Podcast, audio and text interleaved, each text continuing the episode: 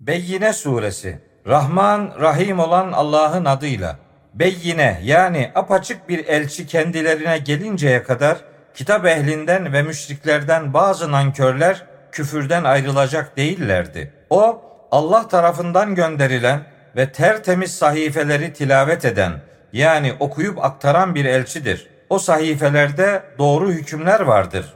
Kendilerine kitap verilenler ancak beyyine yani apaçık bir elçi kendilerine geldikten sonra ayrılığa düşmüşlerdi. Oysa dini yalnız ona özgü kılarak Hanifler yani Allah'ı birleyenler olarak Allah'a kulluk etmeleri, namazı kılmaları ve zekat vermeleri kendilerine özellikle emredilmişti. İşte sağlam din budur.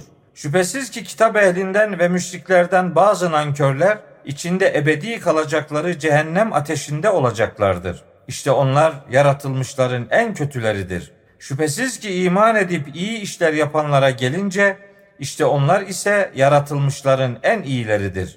Rableri katındaki karşılıkları altlarından ırmaklar akan, içinde ebedi kalacakları durmaya değer cennetlerdir. Allah kendilerinden razı, onlar da ondan memnun olmuşlardır.